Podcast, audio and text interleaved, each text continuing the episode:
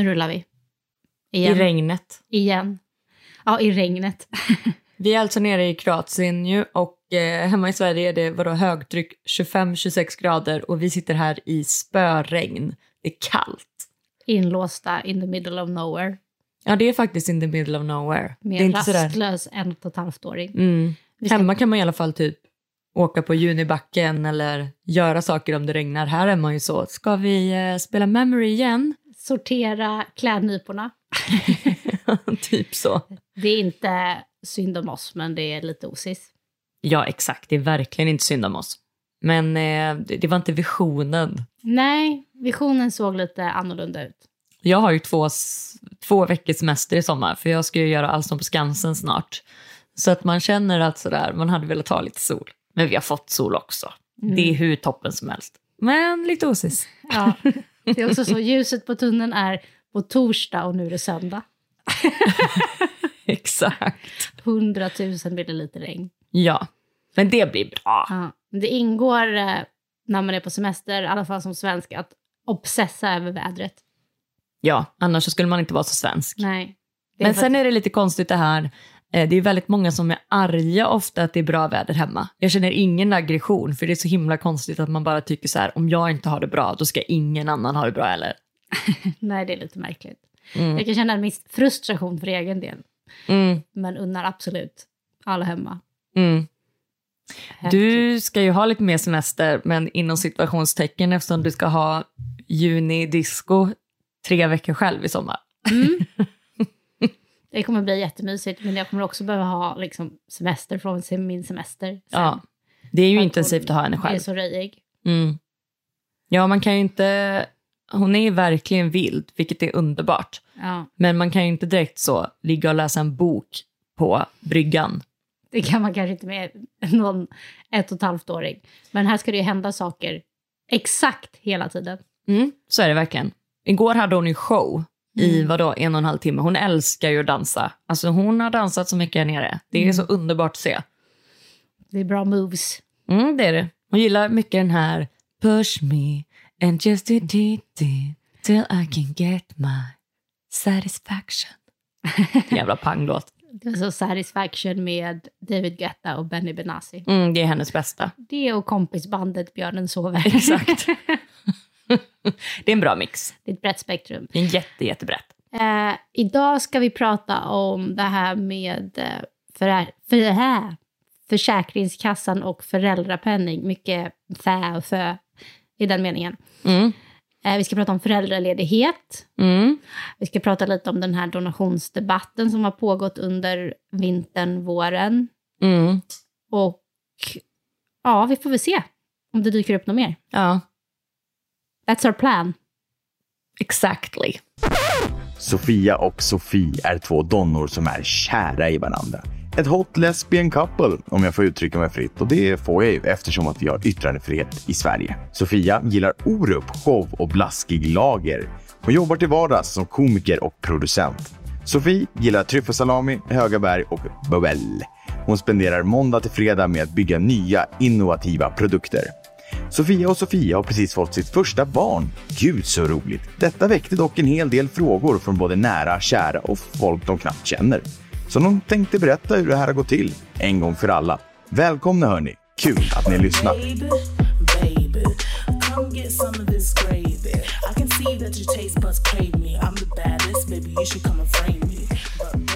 Alla som får sitt första barn är ju ofta väldigt förvirrade kring det här med föräldrapenning och hur man gör rätt på Försäkringskassan. Och man, det är ju så eftersom man inte kan göra rätt på Försäkringskassan. det är lite som på Skatteverket ungefär. Ja, Hur man än gör så gör man fel. Ja, det är många, många olika alternativ och många olika liksom, formulär och, och begrepp som man ska förstå. Och Mm. det, det viktigaste och mest centrala som man är, liksom, nojar över innan är ju det här med SGI. Mm, vad det nu står för. Sjukvårdsgrundande inkomst, Just det, just det. byråkratiskt. Mm, Och det är ju hur mycket man får ut i föräldrapenning. ja. Det baserar sig på hur mycket man har tjänat de senaste 12 månaderna, är det va? ja, det är det. Eh, och har man eget bolag så plockar man ju inte alltid ut lön, men det här baseras alltså på just lön. Vilket eh, gör att man måste ha en otrolig framförhållning om man är egenföretagare Ja. med hur man tar ut eh, pengar till sig själv, om det är aktieutdelning eller lön, Mm. för att då inte hamna på en väldigt låg ersättning eh, jämfört mot vad man är van vid. Mm, för de tittar ju bara på vad man har tagit ut. De tittar ju inte på om du har tagit en aktieutdelning på x Nej. antal tusen lappar. Så det är ju som du säger 12 månader och du får inte ha något break. Och där finns det, jag tror inte att det finns några, vad säger man, Eh, man, man kan inte ångra det, utan råkar man och inte ta ut lön till sig själv, det kan ju hända eftersom både du och jag ger oss egen lön. Eh, för då bryter man den och så måste man börja om då på 12 nya månader. Så det är väldigt sådär, men kom igen. Du får ut Junis så, föräldrapeng när hon är fem år för att Exakt. inte lyckats. Exakt. Eh, Det är ju väldigt kul också när man ringer till eh, Försäkringskassan och ska börja den här telefonslussningsprocessen som skedde. För att Gunilla, Agneta och Gunhild får ju varsin stroke när man säger att så här, men vi är två tjejer, redan då är de ju sådär, vänta nu, ska, ska, kan ni vara lediga båda två? Är ni föräldrar båda två? Och sen så är det stroken i att så här, men vi har varsitt eget bolag. Hur gör man då? mm. Och det konstiga där är att det känns som de inte kan någonting. För att okej, om man har varit enskild firma, då är det mycket svårare för du tar inte ut någon SGI. Jag vet inte ens hur man gör då.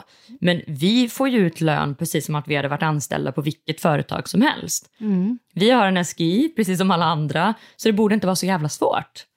Men jag tror att de bara så här, de vet ingenting om att ha ett eget bolag. De bara, har du fast anställning? Man bara, ja, alltså egentligen har jag väl det. Jag ger mig själv lön varje månad, jag är anställd, men de, det går inte. De bara, nej. Det var ju någon som sa till mig, jag vet faktiskt inte hur vi ska göra här. Man bara, okej, men jag ringer imorgon då, så hoppas jag att jag får prata med någon annan person hos er som kanske inte är hundra år. Men så känns det ju, förlåt. Är du förbannad? Nej, men jag är lite så, nu blir jag sån eh, äldre diskriminerande, det är inte det jag menar. Men, Vad- eh, menar du att du diskriminerar äldre eller att du är en äldre som diskriminerar? Nej, jag menar att jag diskriminerar äldre när jag säger att Gunilla eller Agneta är 100 år och därför kan de inte detta. Men det var ju väldigt många eh, som man kände var kanske lite äldre som inte hade hängt med riktigt i systemet. Till slut blev jag ju slussad till företagsavdelningen, det visste de inte fanns tror jag. Nej. Utan bara, jag kan inte lösa det här. Okej. Eh, och det sjuka är att jag hade exakt samma upplevelse. Mm. Eh, för man gör ju det här liksom, var för sig. Även om barnet är gemensamt. Ja. ja. Och det var verkligen så här, nej, vet du, jag vet inte hur vi ska göra här. Mm. Jag bara, nej, okej, nej, jag vet inte heller. Kan du ringa tillbaka imorgon? Jag bara, okej, men vadå? Till samma nummer? Ska jag lägga 45 minuter i den här telefonslussen igen? Och man är ju så lost, för man vet liksom inte vad slutmålet är själv för det är ens första barn. Nej men det är helt ett konstigt. andra barn hade det varit lättare för man bara okej, det här är liksom, det här är, det här är slutdestinationen. Du ska kunna logga in här och se hur mycket du får och sen är det ju som ett schema som man fyller i. Typ. Jag ska Ja, ja, ja. De här dagarna och sen får man det utbetalt. Ja, nej jag vet, det är jättekonstigt. Och sen fick jag ju också reda på, det ring, alltså, det, finns en regel, för att jag startade ju, jag har ju haft enskild firma jättemånga år, men jag startade ju AB för typ tre år sedan nu. Och då var det ju en som ringde mig efter alla de här vänderna och sa att när man är nystartad AB så vill man ju kanske inte ta ut så mycket lön för man bygger upp ett kapital, jada jada. Så att då går jag på en generell lön om jag vill. Alltså som en, de har räknat ut vad en tv-producent tjänar generellt. Och så får jag bara SGI om jag vill det, eller liksom föräldrapenning utifrån det. Så jag hade ju inte behövt att ta ut, jag tog ju ut en, en högre lön än vad jag ville de här 12 månaderna innan juni kom. Och då hade jag bara kunnat spara de pengarna för det spelade ingen roll vilken lön jag tog ut. Så det är jättebra att veta om ni har ett AB. Ja. På tre år så får man eh, en generell uträknad summa. Men sen såklart om man har en högre summa som man tar ut från sitt eget AB så är det klart man gör det. Men det är bra att veta. Mm. Och som vanligt i den här podden är vi arga på systemet, men vi älskar också systemet. ja, alltså ja. Föräldraledighet och föräldrapenning är ju otroligt. Ja, alltså man bara så här jämför med USA som är typ hemma två veckor och sen så måste du tillbaka till ditt jobb för att visa att du behövs. Mm. Här är man hemma, man kan vara hemma typ ett och ett halvt år tror jag på hel, hel tid på sina dagar. Man har 385 dagar och sånt där med fullt betalt. Och sen typ vadå 100 ish dagar. Jag är inte helt, Ja. helt säker här, men jag vet att det är strax under 400 dagar. Det tycker jag ändå att de har gjort bra, Försäkringskassan. De har ju byggt om och designat om bara under den tiden vi har varit inne och harvat där. Men att det är väldigt lätt att göra det jämställt i sin föräldraledighet. Mm. För man lägger, de lägger ihop barnets alla dagar Mm. och sen har de då vårdnadshavarna och så ser man exakt hur många dagar man har tagit ut Mm. som är till full betalning och som är den här grundnivån som man Mm. också har några dagar Mm. och fördelningen mellan parterna. Men hur är det nu? För, för visst var det så att de här tre månaderna som eh, regeringen bestämde för hur många år sedan det nu är, de var ju pappamånader. Visst har jag inte fel nu? Utan tre månader var tillgängliga till pappan och det får du inte lämna över. Men det borde ju vara till, till den andra partnern. Vi får kolla upp det här för att jag vet inte om det, det låter märkligt om det skulle vara till pappan, det måste vara till den andra Jo, vård. men det är mer märkligt än andra saker i den här processen. Det här är pappapengar, man bara, mm, ja, eller partnerpengar. Men det, det borde ju vara så att om du inte hade tagit ut dina tre månader med juni som inte har burit barnet så hade de brunnit inne.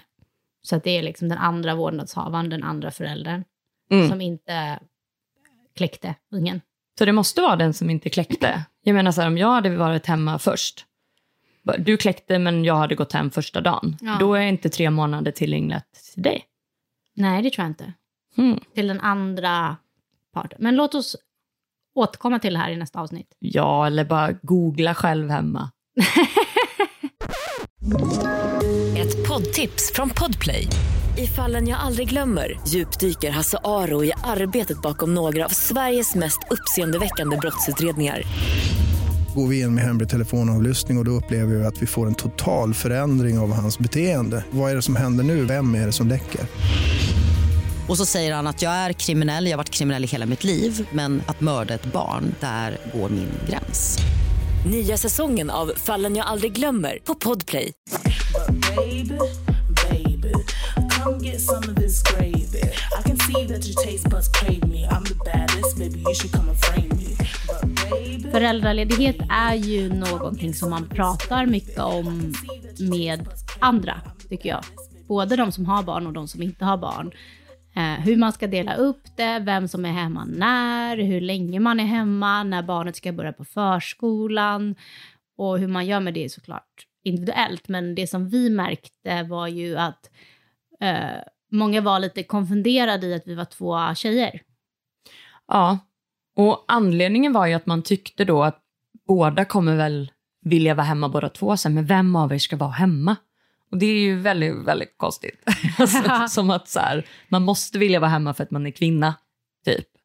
Ja, och att det liksom antas att kvinnan ska vara hemma ett år och, och mannen tar sex månader, eh, eller den andra föräldern tar sex månader i bästa fall. Och här var det då, att skulle jag och Sofia båda vilja vara hemma i början och ett år var, eller hur, hur skulle vi lösa det här? Mm, Så bekymrad min och fråga, mm. hur löste vi det? Nej men vi tog ju halva halva. Alltså vi Mm. var ju hemma nästan exakt lika mycket. Ja, Men det var väldigt roligt när jag kom till jobbet. Eh, Det var ju väldigt många som inte visste att jag skulle bli mamma eftersom jag inte hade någon mage. mm. Ehm, Så att eh, Sen såklart min närmaste redaktion på SVT visste ju det. Så att när jag gick hem och kom tillbaka så var det inga konstigheter där. Men det var ju många som så här, ja men man träffar i korridoren eller andra eller i stand-upen och sådär som bara, ja men eh, när blev liksom, man har kanske berättat på scen att man har blivit mamma, bara, men när blev det? Jag bara, "Ja, men det var två veckor sedan. Och man bara, gud! Är du tillbaks? Wow, vilken liksom, eh, vad häftigt typ, hur kunde du göra det? Man bara, ja nu är det inte jag då som har fött, men ibland var jag bara så, nej men eh, ja, jag kände för att börja jobba. För att bara så här, ta bort den. eh, Back on the horse. Ja men jätte, jättekonstigt, hur många som helst, typ artister och sånt. Jag läste typ att Perrelli hade varit på scen två dagar efter för hon var mitt Ja. i en Diggiloo-turné. Man bara, ja toppen. Men det är så himla fascinerande då. Ja. Du är redan tillbaks. Det är väl också jätteindividuellt hur man mår efter förlossning Ja. eller om man vill gå tillbaks eller... Ah. En eh, liksom enkel regel när det kommer till det här är ju att låt folk göra som de vill. Ja, jag vet. Shamea inte någon Nej. åt vardera håll. Att barnet börjar för tidigt på förskolan, att en inte är hemma tillräckligt länge. Barnet börjar för sent. Att Nej, det är båda är hemma. Alltså, låt folk göra som de vill. Alla har sitt vardagspussel och framförallt sitt barn. Ja, verkligen. Sen kan ju jag personligen, eh, bara utifrån min egen... Eh, alltså, ja, nu tappar jag ord. Utifrån min egen eh, Erfarenhet. erfarenhet tycker att det är väldigt, väldigt eh, nyttigt att vi har delat. För man förstår inte hur mycket jobb det är.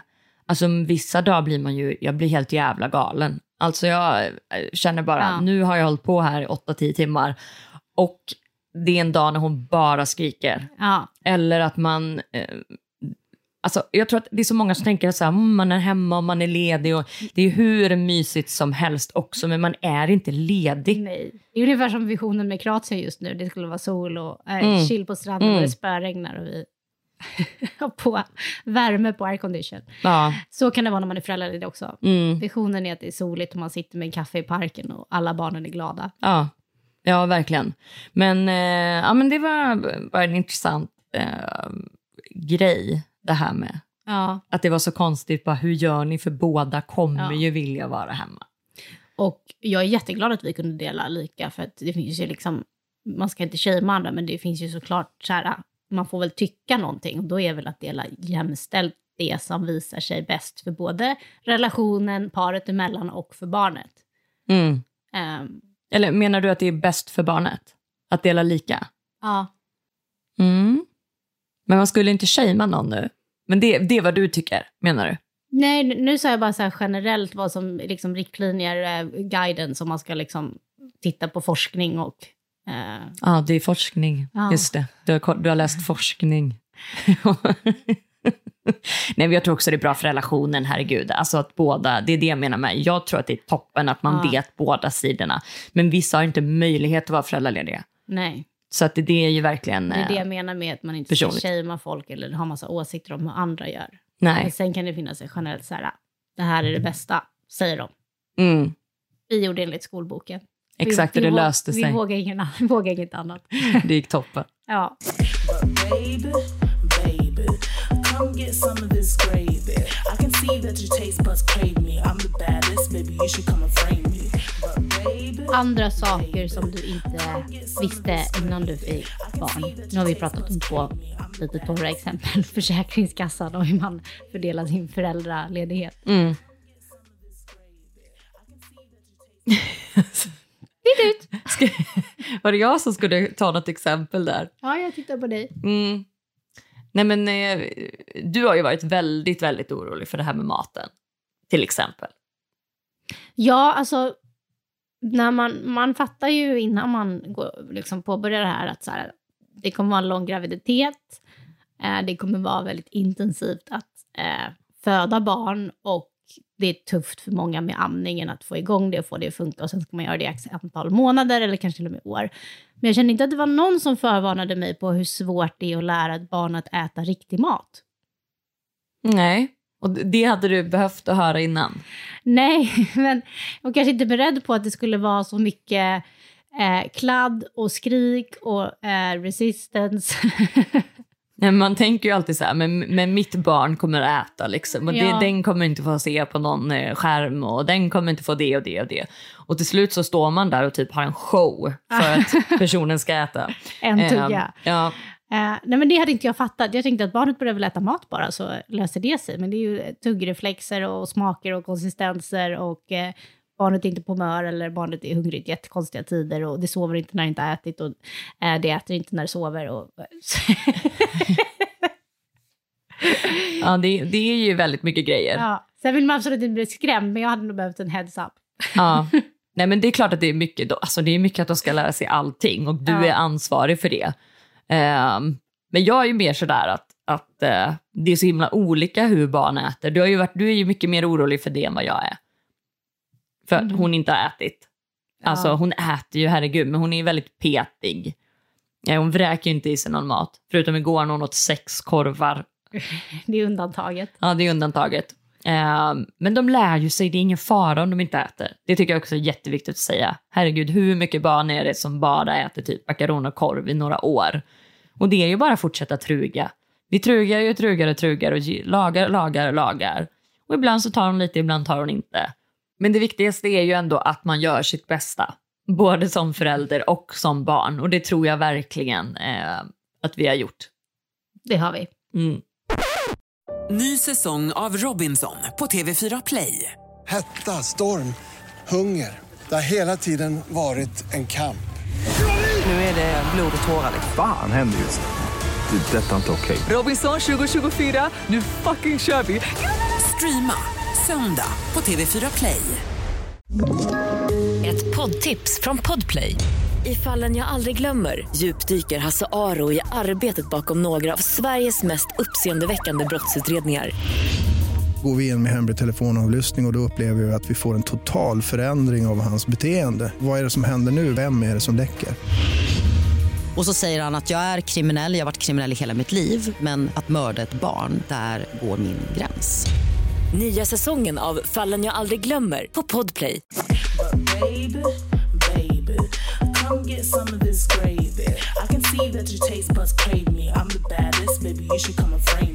Men en sak som vi har velat lite om vi ska ta upp i vår podd eller inte är ju den här debatten kring eh, donation Ja, av könsceller då. ja. Eh, som eh, har pågått i framför allt Dagens Nyheter men även SvD har plockat upp den eh, under vintern och våren här. Mm, Och det grundar sig framför allt i en dom i Holland. mm, där det nu är en man som har blivit dömd för att han har liksom begått kontraktsbrott och blivit, eh, gett upphov till eh, barn i alldeles för många familjer. mm. Hur många får man ha i Holland då? Eller hur många Jag får man donera till? De flesta kliniker eh, har ju riktlinjer som man måste följa och det är allt mellan 5 och 25 Just det. ungefär Just det. eh, familjer. Och det är ju för att man inte ska ha för många halvsyskon som man inte vet om. Nej. syskon, kanske inte ska kalla det halvsyskon, genetiska, halvt genetiska syskon. Mm. Eh, på grund av eh, både för barnet såklart, att eh, man inte blir förvirrad över sitt ursprung och finns en tydlig liksom, story där. Men också för att eh, chansen att man träffas och blir tillsammans. Mm, ja. Och ärftliga sjukdomar. Har du sett den där dokumentären, jag tror det är på Netflix, den här läkaren som inseminerade massa kvinnor utan att de visste det med sin egen sperma. Han har ju typ så här 600 barn tror jag. lyfter man på locket där finns det ju många eh, historier som liksom, vad ska man säga, är obehagliga. Ja, eh, där det har gått snett liksom. Och det är väl Ja. därför det för oss har varit så viktigt att gå via regionen i en eh, kontrollerad process eh, där allt liksom är egentligen grund och botten styrt av lag. Eh, och då fick, kommer också finnas en tydlig historia för barnet i hur man blev till och hur mm. det ser ut. Och det som hade hänt var ju under corona, att de hade tagit in donatorer som inte var svenska, landstinget. Eller hur? Ja, precis. Att, eh, den här domen i Holland som de har skrivit mycket om, det var ju en man som helt enkelt hade dels varit registrerad på någon klinik, men också sprungit runt och typ sålt på dark web. Eh, och det är inte reglerat alls. Nej. Ehm, och nu hade man då liksom kommit på att, eh, att han hade ljugit och eh, jag tror att det var till och med om det var någon som hade gjort liksom någon sån DNA-test som man kan göra nu för tiden och börjat nysta i det och det hade blivit väldigt stökigt. Och han dömdes. Vad det. döms han för då? För fängelse? Eh, nej, det tror jag inte. Jag tror att det var böter, men för, Mm. att, för liksom kontraktsbrott Ja, ja. i det. Men i Sverige så har det ju eh, ehm, liksom inte funnits möjlighet att göra det om man går via en klinik eller via regionen för att där är det max sex familjer som varje donator får ge upphov till eh, barn i. Och bara 5-10% av de som söker för att bli eh, donatorer blir godkända. Ja, för det är en sån himla, himla lång process. Ja, både som vi har pratat om i början av den här eh, podden, att så här, det är både att du mentalt förstår att du inte blir förälder till ett barn, utan att du hjälper till. Eh, och att du ska vara ja, men fri från ärftliga sjukdomar och annat. Mm. Eh, men det som kom fram då i den här granskningen som är lite läskigt och som kan vara bra att ha koll på om man ska gå igenom den här processen, är att när det är två makrofaktorer som sammanfaller, att ensamstående får göra assisterad befruktning i Sverige och att det är coronapandemi gör att det finns inga donatorer. Eh, För det är mycket högre efterfrågan Mm. och mycket mindre supply, mycket mindre folk som kunde donera på grund av corona. Va- varför är det svårare att donera då? Jag förstår inte. Eh, Jag gissar att det var för att man ett, inte hade tid på sjukhusen, eh, två, inte ville utsätta sig för mer kontakt än nödvändigt. Det var Nej. ju mycket operationer och sånt som ställdes in och Ja. liksom, gå inte till vårdcentralen om du inte är dödssjuk för du utsätter andra för smitta. Ja. Ja, ja, ja visst. Jag tänkte att det inte sitter ihop med de Nej. avdelningarna men, som, som har hand om coronapatienterna. Men det är ju klart, det var ju många som flyttades också till avdelningar. Och det här med kontakt såklart, det var en Ja. dum fråga av mig kanske. Men jag men tänkte det- som man bara...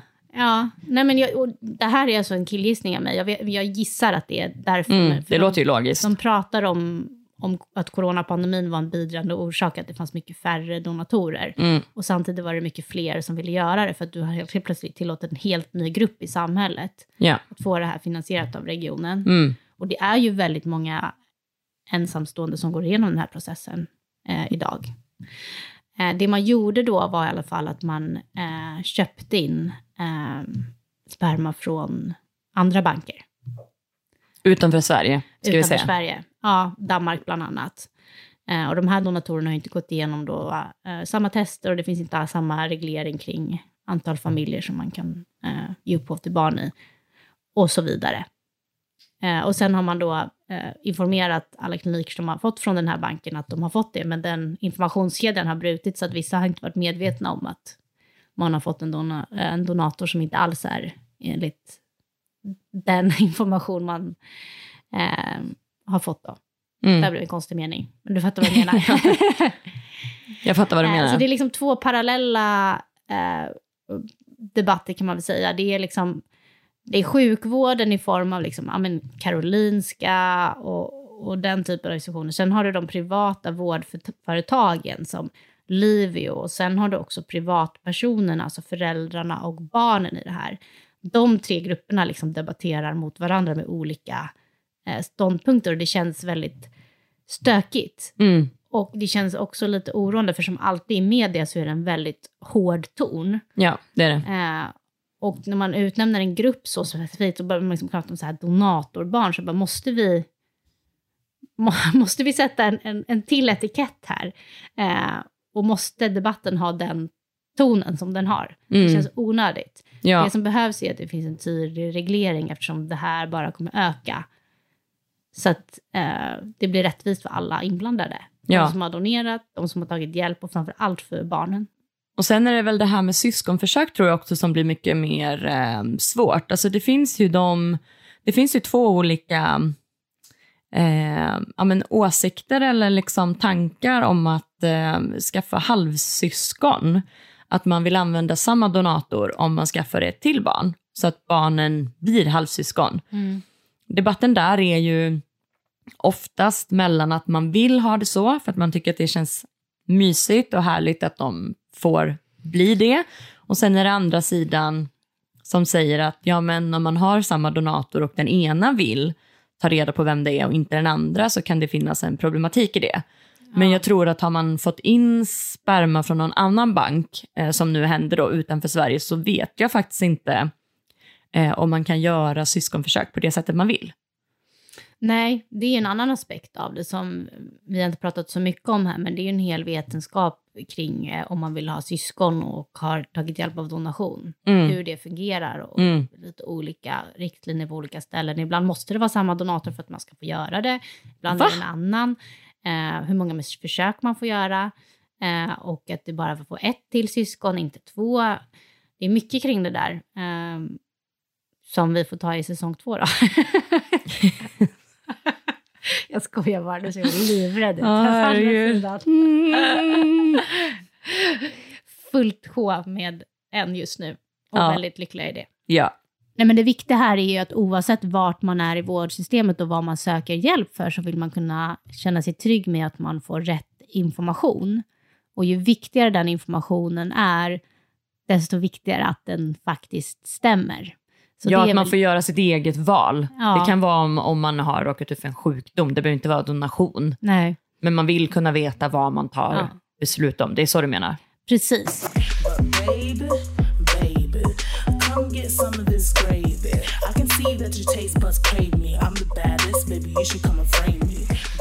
Det är alltså fyra veckor kvar nu till förlossning. Eller vad man, alltså i bara siffror, att Jag så här, hon ska komma nu i mitten på augusti. Jag har lärt mig vad BF står för. Var det en liten rap där? Det var en hick. Mitt i en hick, okej. Mm. Ber om ursäkt. Beräknad födsel. Beräknad födsel, väldigt logiskt ändå, faktiskt. Tips på Instagram, en gammal pluggkompis, så det tackar vi för. Tack, tack, tack. Men vi hade 18, 19 augusti hade vi. 18. 18 augusti. Dyrets födelsedag. Min Ah, lilla ja, syster. din syra Det ja. var lätt att komma ihåg. det har varit lite kul om de hade kommit på samma datum. Mm. Nej men det är ju fyra tunga veckor kvar. Mm. Eh, mer tungt för dig i bokstavligen och Mm. eh, bara tunga veckor och vänta och vänta och vänta. Man, man känner sig typ beredd varje dag. Ja. Att man ska vara så här tillgänglig, alltså att mobilen inte är avstängd i typ en Mm. sekund. Alltså man blir ju lite, lite knäpp tycker jag i slutet. Verkligen. Och eh, det var ju väldigt lyxigt på ett sätt att det var sommar, man började köpa massa gravidkläder och man kunde liksom ta det lugnt. Men du började jobba första augusti. Och, Började jobba, alltså efter semestern? ja, Ja, ja, ja, okej. Mm. Eh, så då var vi tillbaka i Stockholm och eh, jag tänkte ju att det är inte så stor poäng för mig att komma tillbaka och jobba en, två veckor här efter min semester. Så att jag chillar väl och vilar upp mig som alla säger att man ska göra. Bara det, jag är inte så bra på att chilla och vila. Det var ju så här 30 grader i Stockholm, vi bor med stora glasfönster. Så det var liksom att ligga inne i en liten varm bur och vänta. Hade du i efterhand velat jobba kanske? Lite längre bara för att tänka på något annat eller? Om jag hade vetat hur sent hon skulle komma så hade jag nog velat det. Mm. Men jag, var ju rätt, jag kände mig rätt säker på att hon skulle komma tidigt, eller i alla fall på utsatt datum. Ja. Och då hade det varit perfekt, men det var de här två sista veckorna som liksom var förgörande för mig. Mm. Ja, och jag kommer också ihåg, jag startade ju ett helt nytt projekt, Mm. eh, ett program. Och ehm, det hade ju varit, vi sa ju det, att om hon kommer där hon ska, Mm. så är det liksom, då är det ganska lugnt, eller vad man säger, på mitt Mm. jobb. Eh, kommer hon eh, typ två veckor efteråt, Mm. eh, då är det lite mer körigt. Mm. Och det gjorde hon ju. hon väntade ju där inne så länge hon kunde. Och sen herregud, det var ju bara att vara ledig från jobbet självklart. Men det var också roligt i alla de här tankarna, men nej men hon kommer säkert där och det är inga Ja. problem och ehm, så. Men eh, så blev det inte.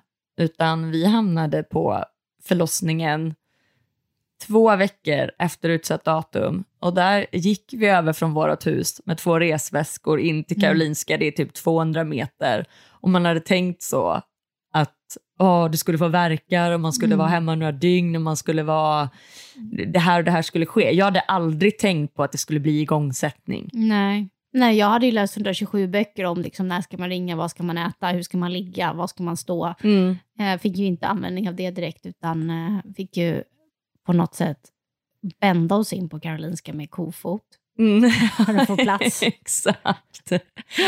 Nej, men och det, som, det sista som hände då innan själva förlossningen drar igång, det är att vi får ligga i ett sånt här, eh, inte ett förlossningsrum, utan mer som ett, eh, ett förberedelserum där då igångsättning ska ske. Och då fick du tabletter. Och de sa ju till oss att eh, var beredd på att det kan ta tre till fyra dygn när man gör igångsättning. Så att eh, vi hade ju tagit med oss där två resväskor, vi hade ju liksom köpt chips och godis, vi hade beställt upp mat, vi hade lagt oss i sängen, satt på en Mm. Netflix-serie. Och så tog det typ 20 minuter. Så gick vattnet i sängen och vi fick ett sånt skrattanfall så Mm. att vi bara höll på att typ smälla av. Alltså du vet, och så bara tryckte på den där knappen och hon bara, vad är det som händer här? Typ, Ville- typ grät av skratt. För man bara, det var så absurd situation att sitta där med en chipsskål, var beredd på tre, så fyra dygn. också. Vi har väntat så jävla länge. Vi var ju där dagen innan vi gick in Mm. och blev hemskickade Ja, med ja. babyskydd och fullpackade resväskor och bara, det är fullt. Mm. Ni får komma tillbaka imorgon. Vi har så väntat i 14 dygn. Ja, nej det, det var här- bara en absurd och väldigt, väldigt rolig eh, situation. Nej, Det var hemskt. Det du var skrattade också. Du skrattade också. Då ja, det skrattade var jag. hemskt två veckor, men det var roligt där Det i var sängen. Förlösande eh, vattenavgång, eh, avgång, säger Mm. man va? Och sen jävlar drog det igång. Ja, men det var alles för den här veckan och nästa vecka är det förlossning. Hur taggad är du? Taggad. Jag med. Vi hörs då. Puss och kram. Hej då!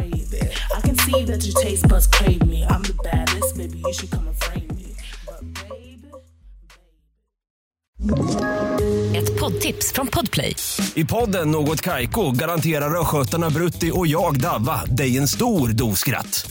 Där följer jag pladask för köttätandet igen. Man är lite som en jävla vampyr. Man har fått lite blodsmak och då måste man ha mer. Udda spaningar, fängslande anekdoter och en och annan arg rant. Jag måste ha mitt kaffe på morgonen för annars är jag ingen trevlig människa. Då är du ingen trevlig människa, punkt. Något Kaiko, hör du på Podplay. Därför är gardinerna.